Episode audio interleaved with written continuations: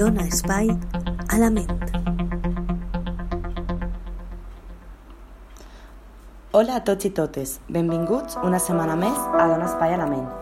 Avui, en relació el tema de la setmana passada de la desmotivació, vull parlar-vos de l'apatia. Què és l'apatia? Tots hem estat alguna vegada desmotivats, sense ganes de fer res, encara que tingueren que fer-ho. Esta experiència refleja un dels sentiments més desagradables per als ser humans, l'apatia.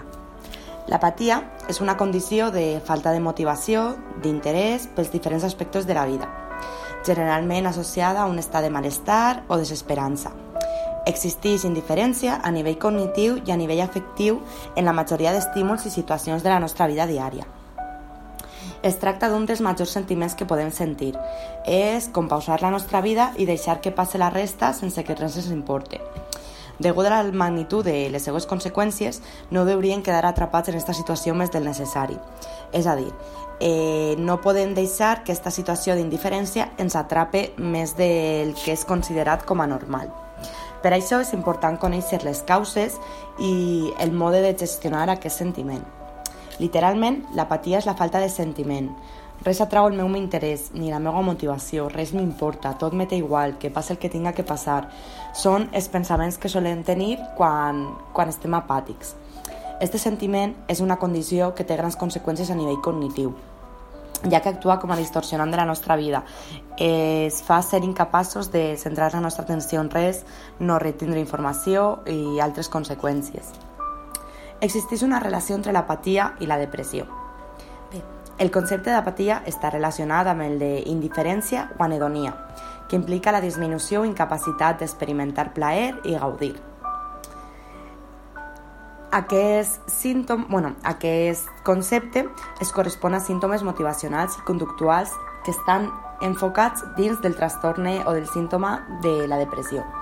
Si l'apatia és passatgera, no hauria d'implicar un problema, però si la seva durada s'allarga més enllà d'unes setmanes, és quan deurien començar a parlar eh, amb algun especialista perquè probablement estem patint un tipus de trastorn de l'estat d'ànim. Hi ha que tindre en compte que, com us he dit, eh, la depressió i l'apatia estan relacionades. Per tant, la depressió pot causar apatia, encara que no totes les persones depressives són apàtics, ni molt menys tots els apàtics tenen depressió. En la depressió la persona està trista quasi sempre. Té sentiments de culpa, de desesperança, és molt autocrítica, pessimista, mentre que en l'apatia hi ha una pèrdua de la resposta emocional i per tal desapareixeran o es, la persona no tindrà aquests sentiments de culpa o tristesa que apareixen en la depressió.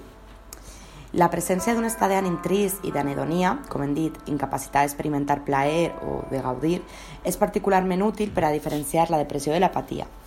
Tant l'ànim trist com els símptomes disfòrics, que són els sentiments de culpabilitat, pessimisme, autocrítica, desesperança, estan presents en la depressió, però no en l'empatia. Per això, perquè l'apatia es caracteritza per l'absència o pèrdua de la resposta emocional. Però l'apatia ve acompanyada de símptomes com cansament, avorriment, tristesa, eh, rutina, eh, escassetat de vida social...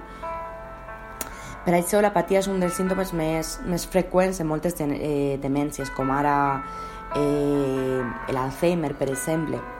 No obstant això, pot aparèixer associada en una varietat de trastorns, tant neurològics com mentals, com ara depressió, esquizofrènia... És a dir, és un... no arriba a ser un síndrome, però sí que forma part d'alguns síndromes com l'esquizofrènia, la depressió, eh, etc. Quin és l'origen de l'apatia? Bé, no existeix un origen clar de l'apatia.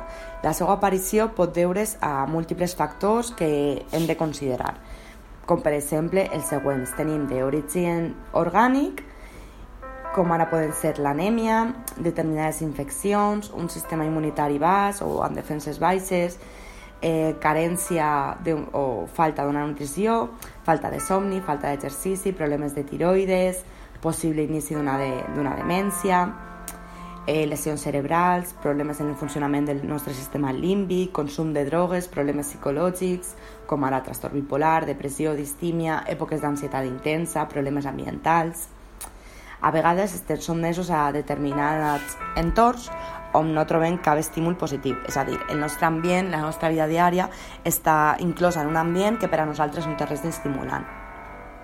Al nostre voltant només hi ha estímuls eh, estressants o que no tenen interès per a nosaltres.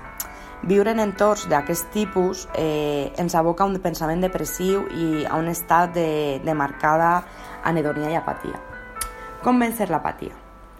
Eh, el més freqüent no és que una persona caiga en l'apatia d'un dia per a un altre, sinó que sol arribar després d'un camí de desil·lusió i cal recórrer diguem al revés, eh, encara que siga poc a poc, és a dir, per què hem arribat a aquest estat?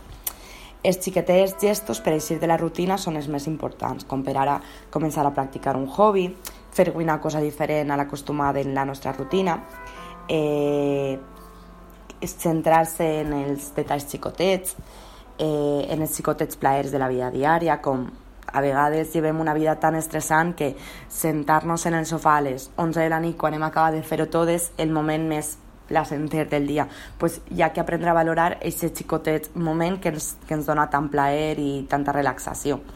Hi ha que tractar-se metes, és a dir, eh, establir fàcil, eh, metes fàcils d'aconseguir i anar alimentant la motivació lentament, superant aquestes metes fins a tindre la força suficient per aconseguir metes més grans. En conclusió, eh, és molt necessària, en aquest cas, des del meu punt de vista, la teràpia psicològica, parlar amb un especialista que ens puga eh, recomanar eh, unes pautes, com per ara poden ser trencar les rutines diàries, l'exercici físic, una bona alimentació, practicar mm, yoga, mindfulness, eh, pilates, són eh, noves, nous esports, per dir-ho d'alguna manera, que avui en dia estan tenint molta repercussió per per el motiu del nivell de vida estressant que tenim, que necessitem canalitzar aquesta energia i aquesta tensió d'alguna manera. I són esports que són molt efectius en, en aquest tema. Espero que us hagi ajudat i que hagueu conegut un poquet més de l'apatia. Ens veiem la setmana que ve.